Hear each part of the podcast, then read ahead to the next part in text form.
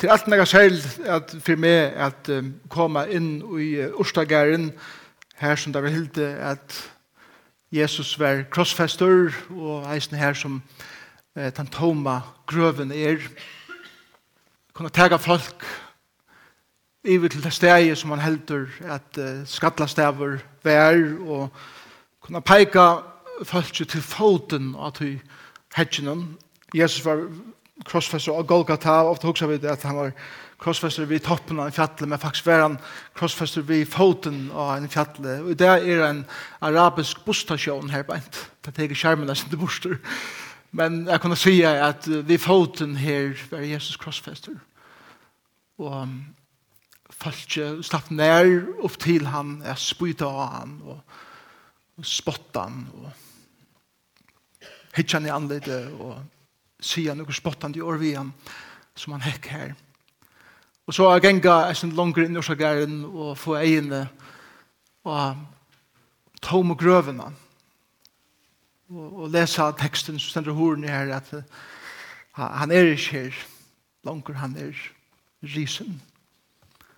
Ja, og sammen. Han er risen. Det er, det er øyla spesielt. Men det er ikke enda steg som, som gjør det spesielt. Så det er det eisende til, og det er stuttlet at vi ikke støyen og alt det. Men det som gjør det spesielt, hvordan for meg, det er akkurat som at som, som årene genga og man blir eldre og eldre, så som er svære for meg hvordan at jeg er herren takksamen for at jeg ikke blir mer og mer kyniskur men faktisk uh, er en større og større undran skapt om min hjerte om det verste som var gjørst av Golgata for jokk. Og jeg stande bare meir og mer undrande da jeg husker om hva Jesus er og hva han har gjørst for jokken mennesker og um, vi ganger ofte rundt og halde okken um, ikke være verd som jeg Og vi halda at vi ikke er oppebore sånn ekv. Kanskje er det sanna ikke tog, men jeg var bare til at god helt okkom være opp, her oppebore og være så mye nek verd at han vil dodge for okkom. Og det er fantastisk. Og til smeira i hugsi om krossen, til større blivur herren fyrir mer, og til smeira undrandestandi fyrir til som han har gjørst. Men uh, Tess meira eimjúk blöver vi deisne. Og ikkje en eimjúk leikjen som færa kunne hitja nir etter og krupa, men en eimjúk leikjen som færa kunne være takksom og tåra at liva okkar liv for Jesus. Og det er, det er å medelig størst. Helt fantastisk. Vi, som du vet, genga i år i jøknum nærkar av grunnlæren som sankumann bytjer av. Og vi tar veri nu i jøknum eh, tru entena, og vi fer nu er fer vi er i nokon øron eh, læren. og den første er sjåan det her læran om, om frelsena, hva er frelsan og, og hva er frelsan nei, og hva skulle vi ta oss om til. Og ta tever okkur alle veien aftur til byrjanina.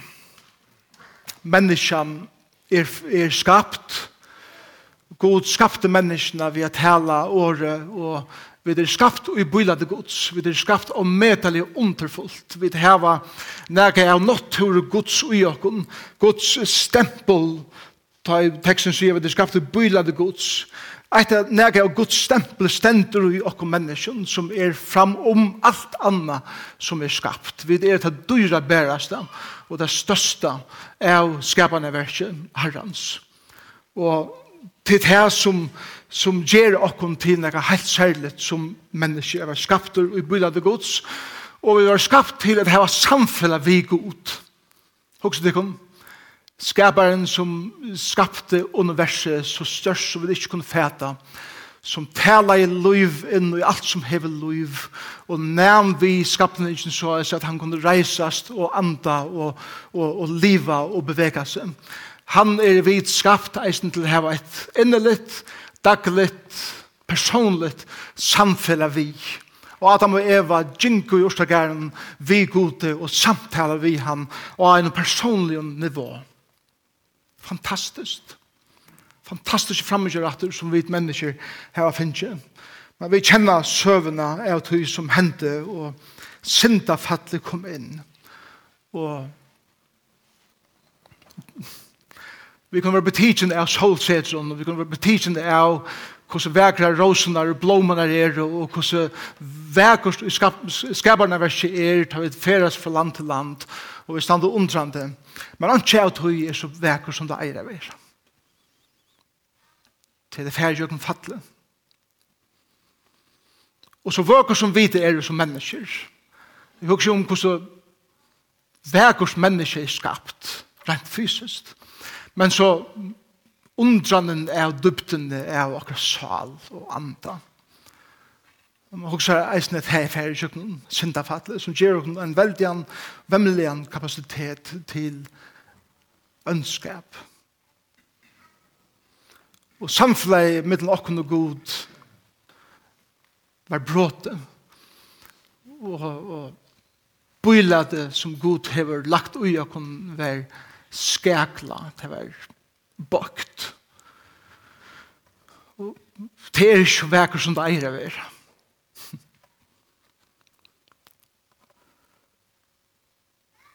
Men det kan enda reisast. Bøyler som god har skapt og kan endre reisast. Bære på ein måte. Til ånden annar vever at hever enda reist og enda skapt. Og til vi en enda føying. Og som bare kan være i Jesus. Til er ikke endreføring eller frelse i nøkron øren. Lykke mye hva vi røyne er gjerne her i løyvnen. Så er det bare en som kan endrefø. Det er bare en som kan endrereise til brottene på det, og til Jesus Kristus. Og bare en kan gjøre til møvlet og til god sjølver. til ångan de opp til åkken eller endrereise til på det. Det ångan de opp til åkken å være endrefødt. Det er bare nekka som vi tar motor til han først tog stige til at gjøre det møle for jokken, og tog stige til at sige at det vil gjøre det fire mennesker. Og til det som gjør det, at Golgata er så fantastisk, og at Toma grøven er så underfull. Og Jesus gjør det på sånne måte hver han gjekker og gjør, og han også er omgang om seg selv han fest. Han har også alltid med ånder først. Og tar vi så Jesus hengende av krossen og så videre. Vi er eisen kjølt her. Og sier han først og fremst om ånder. Bare ene for sier han etiste. Og da tok han en svamp av etik og rønta trusht han opp i anledd i armen og han ville ikke drekke han. Og han sier til fire at mamma sønn fikk en person som måtte teka seg av henne. Og han sier til fire at at hei som krossfeste han og nelte han sjokken hender, føtter, hård og feir, Fyrir gjør tæmen til det vidisk hva det gjør, og han, han ville heva det høyra hettar. Ja, det var hjärsta fyrir tikkun. Kjalt mean til nekla meg som hendur føtter, elskje tikkun. Og han hukte på rånsmannen som hekk ermena krossen og sier vi han i det, skal du være mer i paradis. Alla tøyene hei Jesus fokus og på andre mennesker om hva han kunne gjøre mot øren, av fyrirgjeva. Men det er akkurat her som myndelagen er. Og det er ut til veika kraften er. Og det er ut til loa at alt blir høgt. Og det er ut som vi lyd til å tøya hver alt blir tøtninga mykje. Og det er i, i uh, rævelaikanen av krossen at han til vekraste kunstnerverset som koden er han utgjørst var skapt og myndan rævleisen av krossen og vært vegrer seg som god nærkant det hever gjørst. Og i sånne skapende vers. Sentralen av øtlen skapende vers er Golgata Da Jesus støy her av krossen. tog at samtidig som Golgata er ein offerstaver, hver god offra er sin son, så blei Golgata eisende ein domstoler, hver god uthelte sin dom, iver sin son, som var en domer iver så nekv anna, som jeg husker meg at hun lagt av synder om i det. Krossen ble steg i her Kristus er domer stå. Krossen er steg i her kjeldan til okra sikningar flyter ut fra. Og krossen er steg i her vit, som godsbøten, det som er givet sitt liv til Jesus Kristus, kunne komme atter og atter til, å finne fri, og finne nøye og endre resten av nødgjøn. Krossen er sånn deg. Frelsen er så stor, frelsen er så djup, og den er så dyra bør. Og måtte vi som kjenner Herren, som årene genga, blir mer og mer hodtidgen og bergtidgen av hesen. Som selv i hukse i seg vikene, for en tekst skal jeg bytja, men jeg taler av det til at det er så nekver, så bør vi komme til Kolossebrev. Og jeg husker at, at jeg får ikke til predikeren til at jeg får det nok av, og, og så videre. Kolossebrev er så brev som vi kanskje ikke kommer så ofte til, og Paulus skriver etter brevet med han sier det fangsel i Rom, og i år ene trus, nemlig fire heter at predikakrossen, og han leir fire til, men tann løyingen i fangselen og hei givi okkun fangselsbrøven hver Paulus forklarer okkun tøtningen av evangelien og at liva evangeliet til fullnær og leder okkun å slå på Kolosserbrevet eh, kapitel 2 Kolosserbrevet kapitel 2 og med jeg slå opp på det så skal jeg hevna sutta bøn. Herre, takk for ditt år, takk for ditt fullkomna versk, Og takk for at vi kunne samlas om dette her det. og jeg ber om at du vil uh, hjelpe meg at sitte år og dybden her, er at du som ikke fett.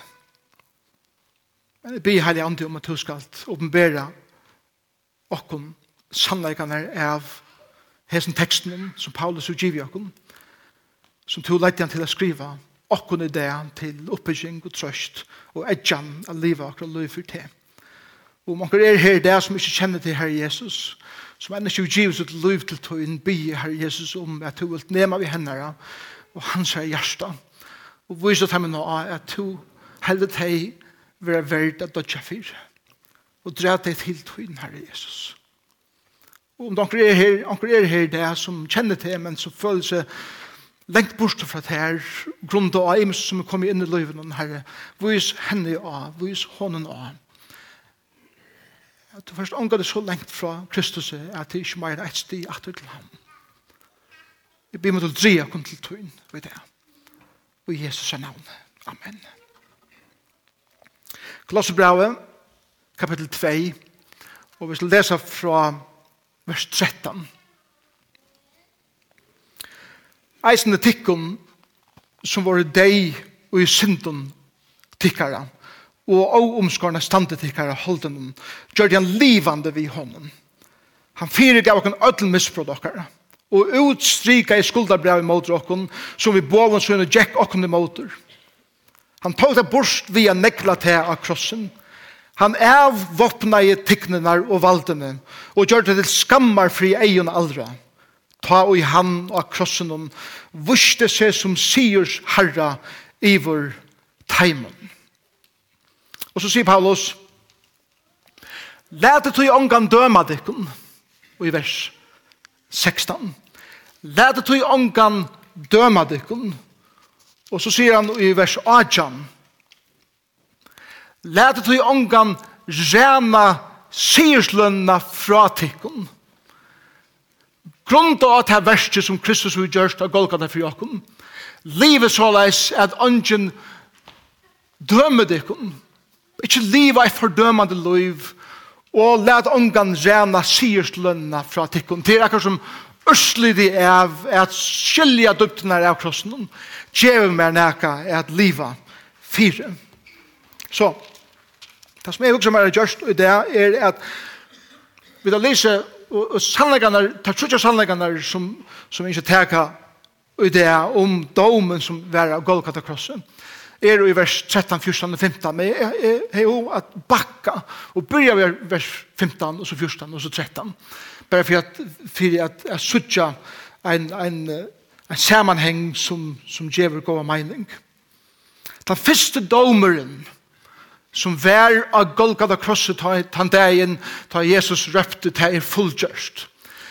Det er ikke bare domeren som, som Kristus tog av seg for akkurat synd, Men det var en domor iver Satan. Golgata er en domor iver Satan og tiknenar og veldene som standa god i motor og som arbeider vi til fri eia at øyelegge alt det som Messias er kommet å gjøre. Og Paulus som, som er en en, en, en personer som ser tøttningen av at for å kommunikere må jeg skilje bakgrunn, så at de folkene som jeg kommunikerer vi, skilje det som jeg sier. Og Paulus sier i vers, i vers 15 så, han er våpna inn i tignene og valdene og gjør det til skammar for egen aldra, ta i han av krossen og vuste seg som sier herre iver teimen. Paulus brukar her um, militærmål, kan man godt sige. Så Paulus visste vel at han romverske herren var herren som, som ønsken kunne stande motor. Og ta i romverske herren for innangstenner og vann sier av fudgendanen, så var det eit som herren gjør det. Det var det at han lette fengene, kruksfengene, fram og et allmenn sted. Hadde ødel våpnene kjødde med vi, og skrøtte deg fra deg munn, blæka deg borster, og så leis at fudgjenden stå her våpna leisers. Ikke bare våpna leisers, men eisende nætjen. De var leten ur øtlen klæven til å standa til spott og ha fyrir øtl som, som var samla i at torgje er suttja at romversk herren hever sikra her beint og de er en skam fyrir fudgjendan som er ført iver de at han hatt åpenløst ble det gjør til skammer. Det er akkurat det som krosseren vær. Krosseren vær er sted av nærkjenleika. Krosseren vær er sted av skam. Krosser en vær er sted hver Jesus tyktest er vera fullkomlig av våpnaver.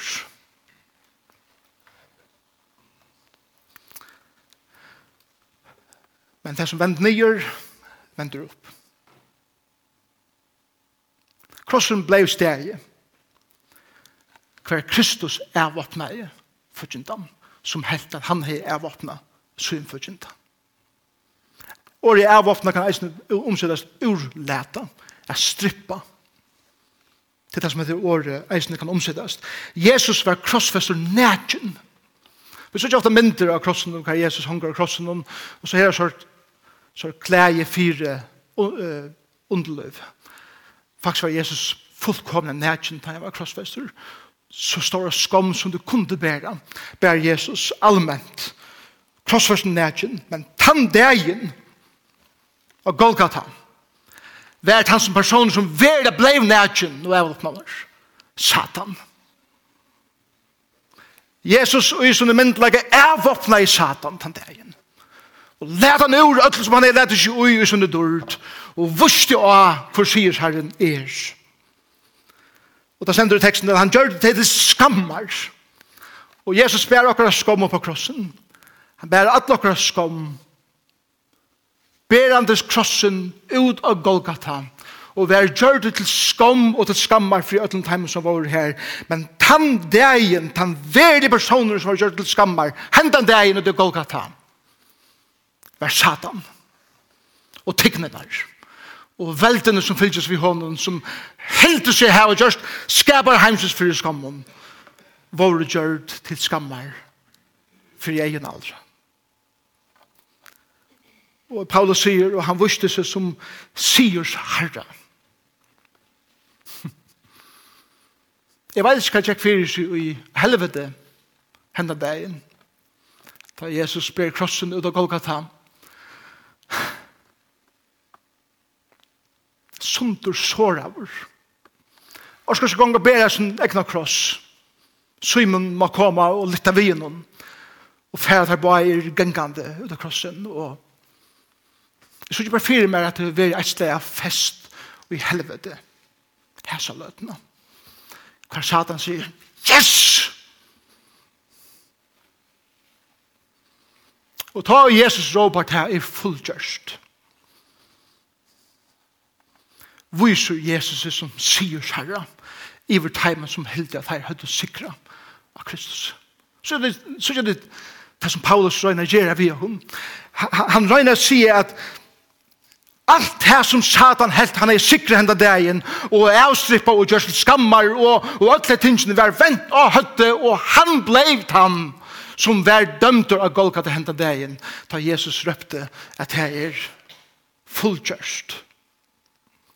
Kjær tid, Satan er dømter.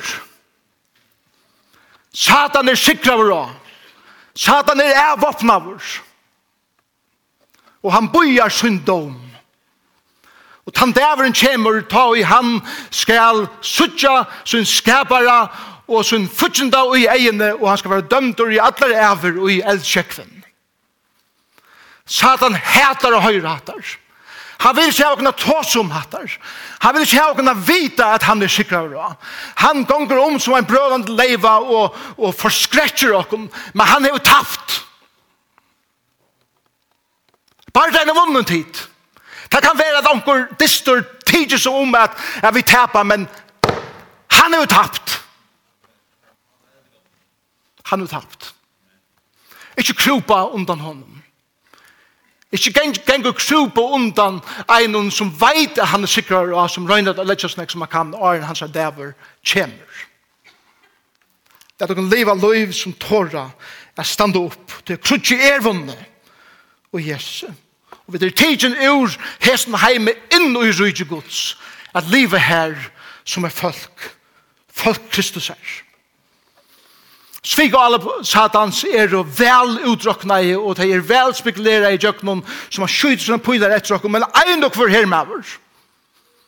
Ein og hver som teker av herklai Kristus her, renner ikke undan henne pyle.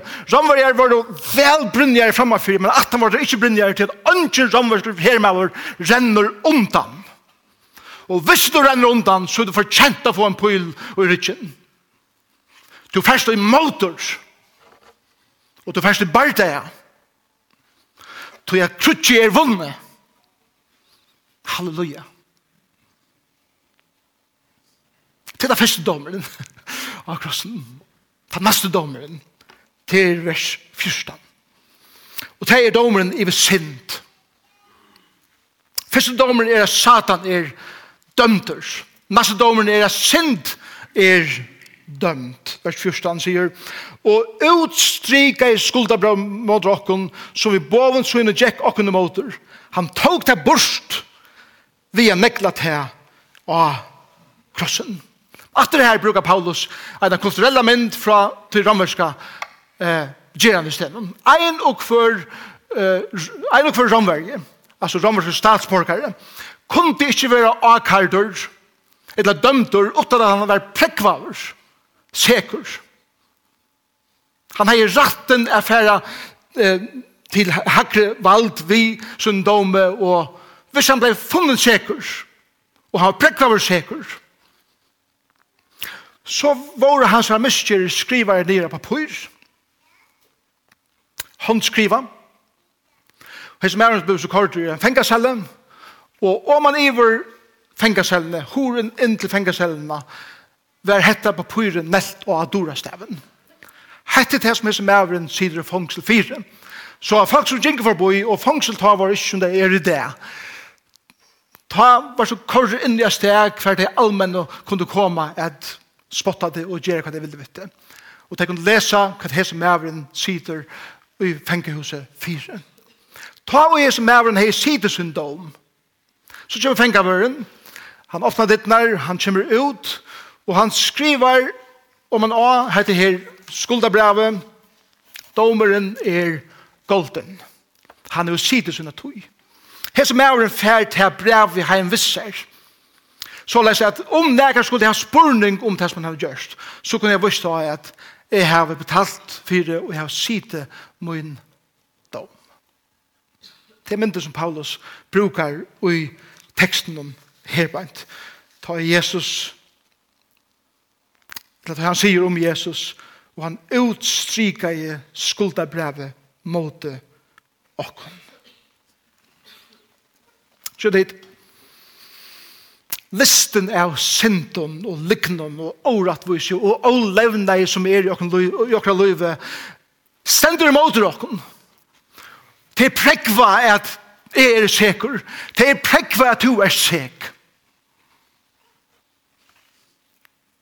og du er dømt. Og er dømt.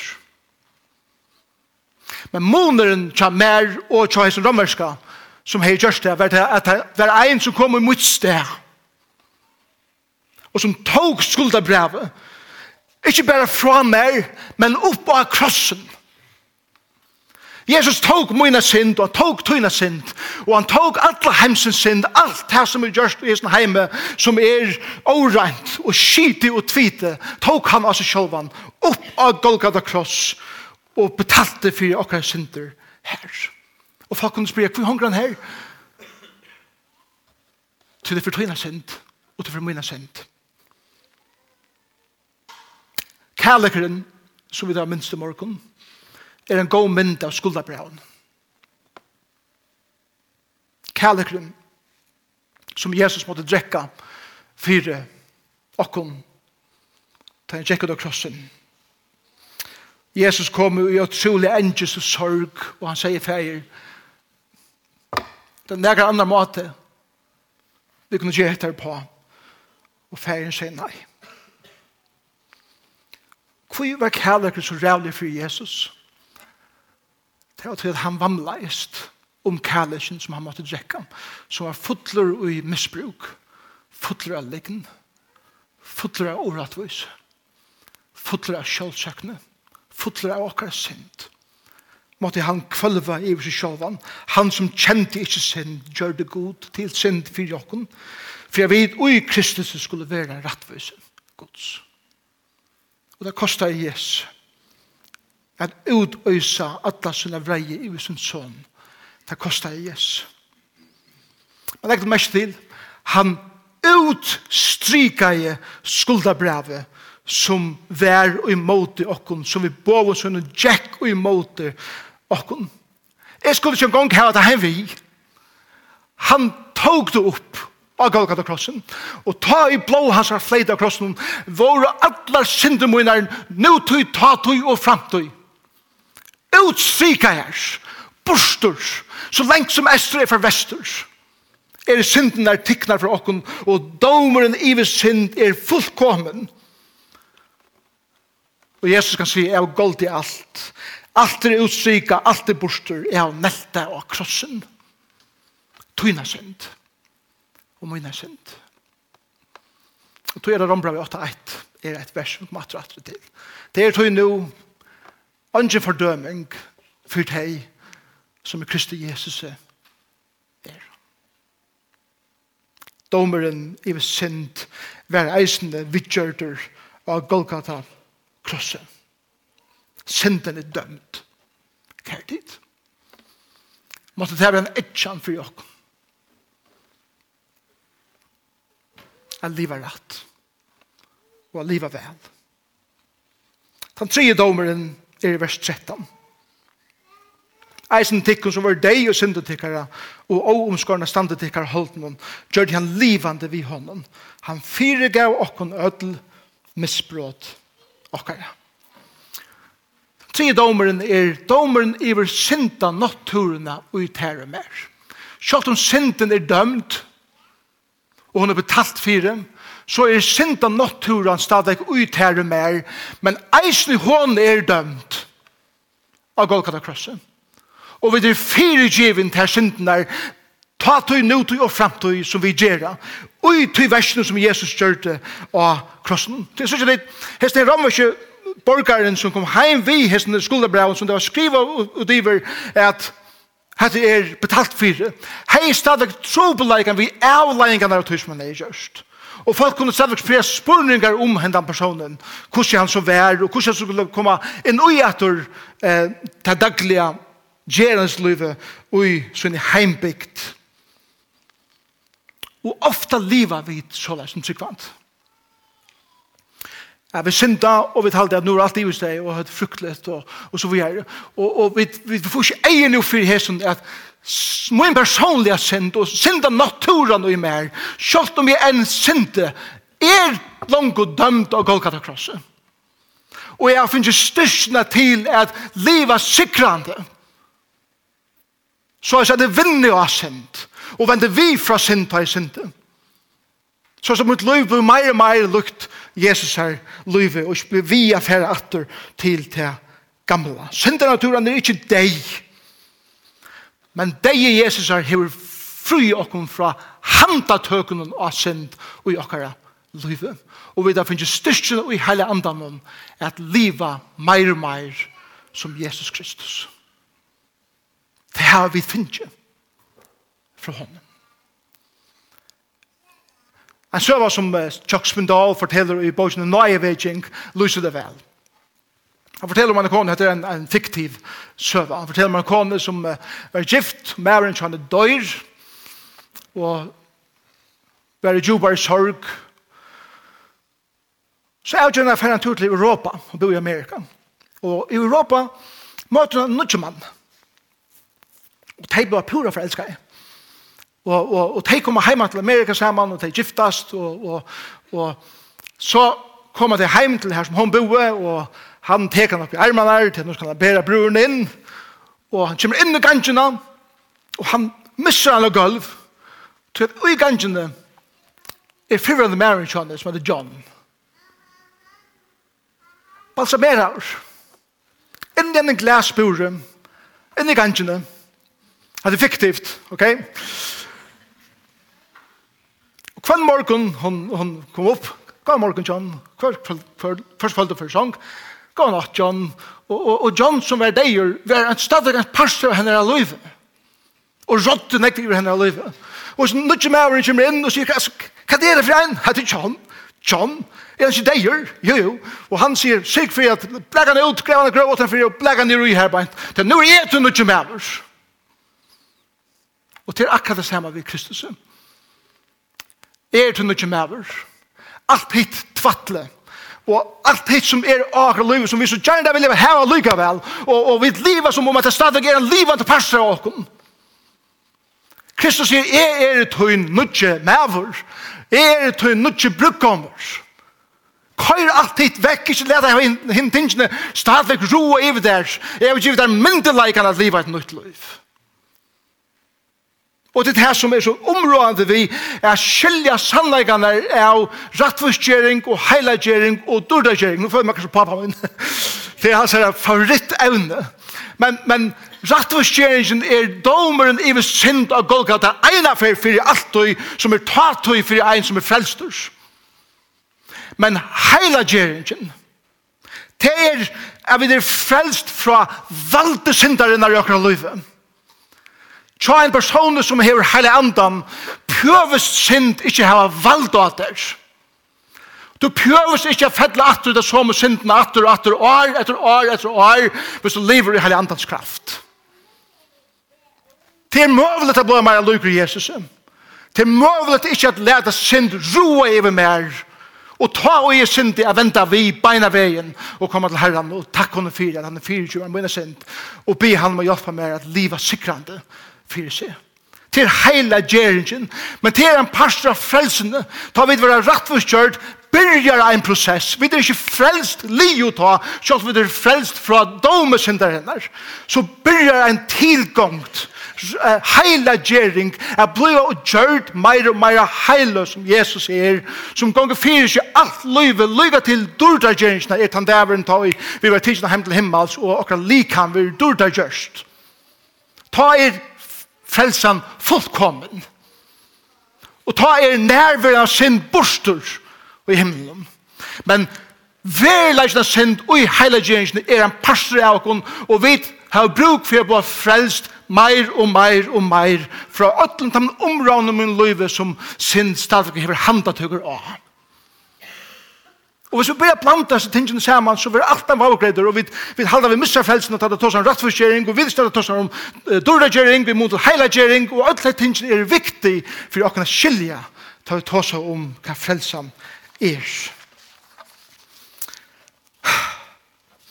Satan hever tapt. Han boja sin dom. Og vi er uiladen Kristus. Og ta og han legger av til Ta og jeg minner deg av hvordan veikur du erst, eller hvordan løyder du erst. Minst ta sier vi ham, er setter fryer i blåe Jesus her av Golgata krosset, vik at du om med Satan. Og vi har bruk for å takke noe av det her. Og liva sikrande løy for Jesus, til han er jo tapt, Satan er jo tapt. Synden er dømt, og synden naturen i mer er dømt.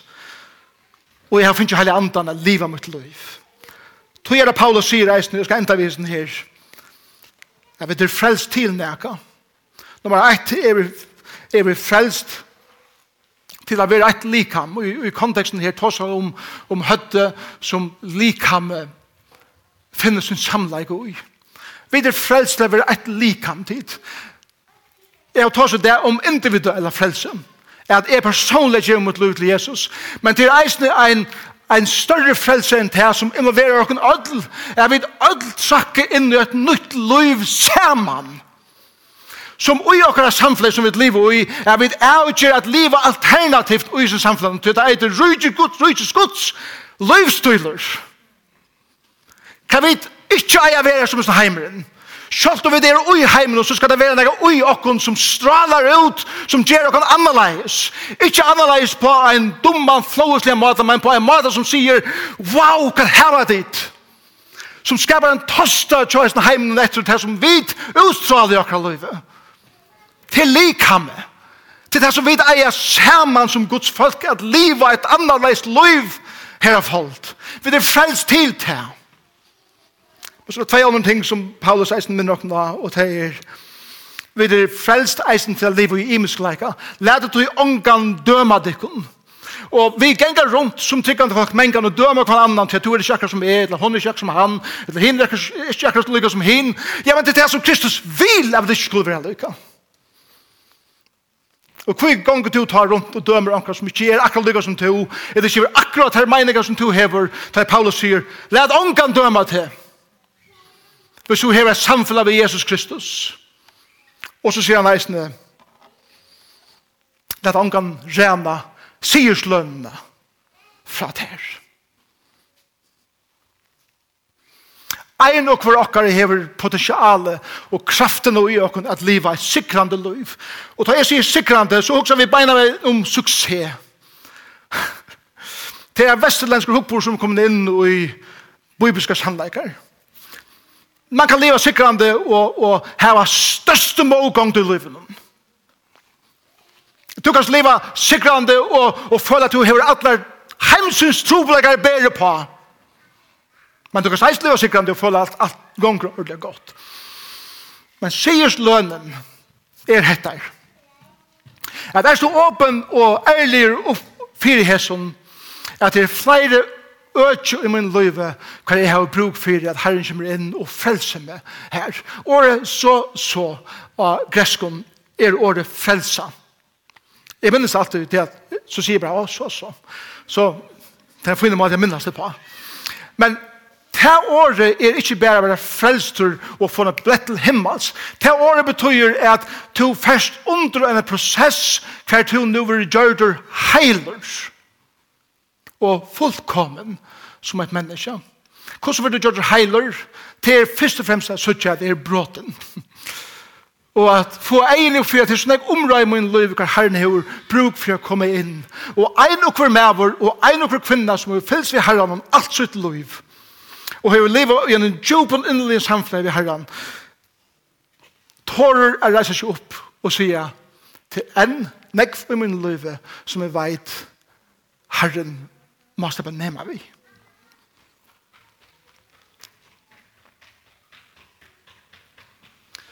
Og tog for jeg sier vi til. Herren er og ahover jeg gjør til heiland. Og da jeg stande vi skattlasteg i Jerusalem, da jeg gikk mer en tur iver mot tomme grøvene, og man er jo i atmosfæren i årsagæren, så er det hettar som er i utskriften i Rødland. Herren, Herren, har en atlan vi tøyne løyve, men en atlan vi har gjerne til heilan. Lyga mykje hvordan bråden du erst. Lyga mykje hver til erst i Lukka Lyga mykje kvær til strøyest vi. Så innser han er gjerne til heilan. Og klara som sønne bror a møta brukkommenen ein dag. Er du født av nødgjønn? Er du født av nødgjønn? er bøylade som er bråte, byrja vi mynda atur i Guds mynd. Det er bare jokken Kristus, unkan han. Kanskje hever du gynnsi her i åra vois, du gynnsi til møterø, at han er møterø, at han er møterø, og vi drukna i møterø i fyrjun. Så jeg møter at han sender at vi gengar fra ene møte til anna, til anna, til anna, og, og vi synsja, og vi gjer alle tingene, og det føles som om at det er en parstra av men er du født av nødjon? Er du fødder av nødjon? Hever du finnes Guds heilige anda ut ut liv som skaper itan at troan etter at liva sammen vid Kristus og liva honom verdige. Eller kan det være at du ikke er i negv år, og du heldre at du er parstran nøkker, men du ikke er erst. Jeg glemmer omgang til John Wesley, han veldige ønsker prædikemannen, som ble frelst av en av sine egne møterøven. Han får til Amerika, og han har haft nekta møterøyer, og han prædiker evangeliet, men jeg kvalitet viser her noen at to erst ikke føtter av nødtjen, og hatt er kvalite i Amerika, bøtjer sånne knø for herren, og sånne egno møtere. Gjever hans et liv til Jesus, og han fer, og han byrjar en nødtja tænaste for herren, som hever en, en kolossale averskan, og alt det andre skal rydtje. Kan det være at onker okker er her det, som enn ikkje er føtter av nødtjen, som enda ikke hever sær Golgata vere. Jesus sier vi til det, bøk du knø for mer, takka mer for Golgata. Takka for sieren av Satan, og av synd, og av synd av naturen, og av ødlom. Og kom til inn. Kom til Jesus i det. Takk under fyrir at han døg fyrir te akrossen. Takk under fyrir at han gav sitt liv fyrir te akrossen. krossen. Ikke til hinne, ikke saman, men fyrir te akrossen. Takk Det er det som er galtant. Det er det som, den påskaperen som vi må få ut og med dere folk.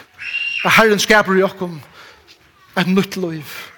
En jeg tror etter gode, en appetitt fri årene, en langsletter av brøytast, en sorg i iver teg fortapte, et hjärsta fyrt ham i hjertabrottene, og en langsund etter at suttja Guds rydse og i okkara landet gjerast verilet.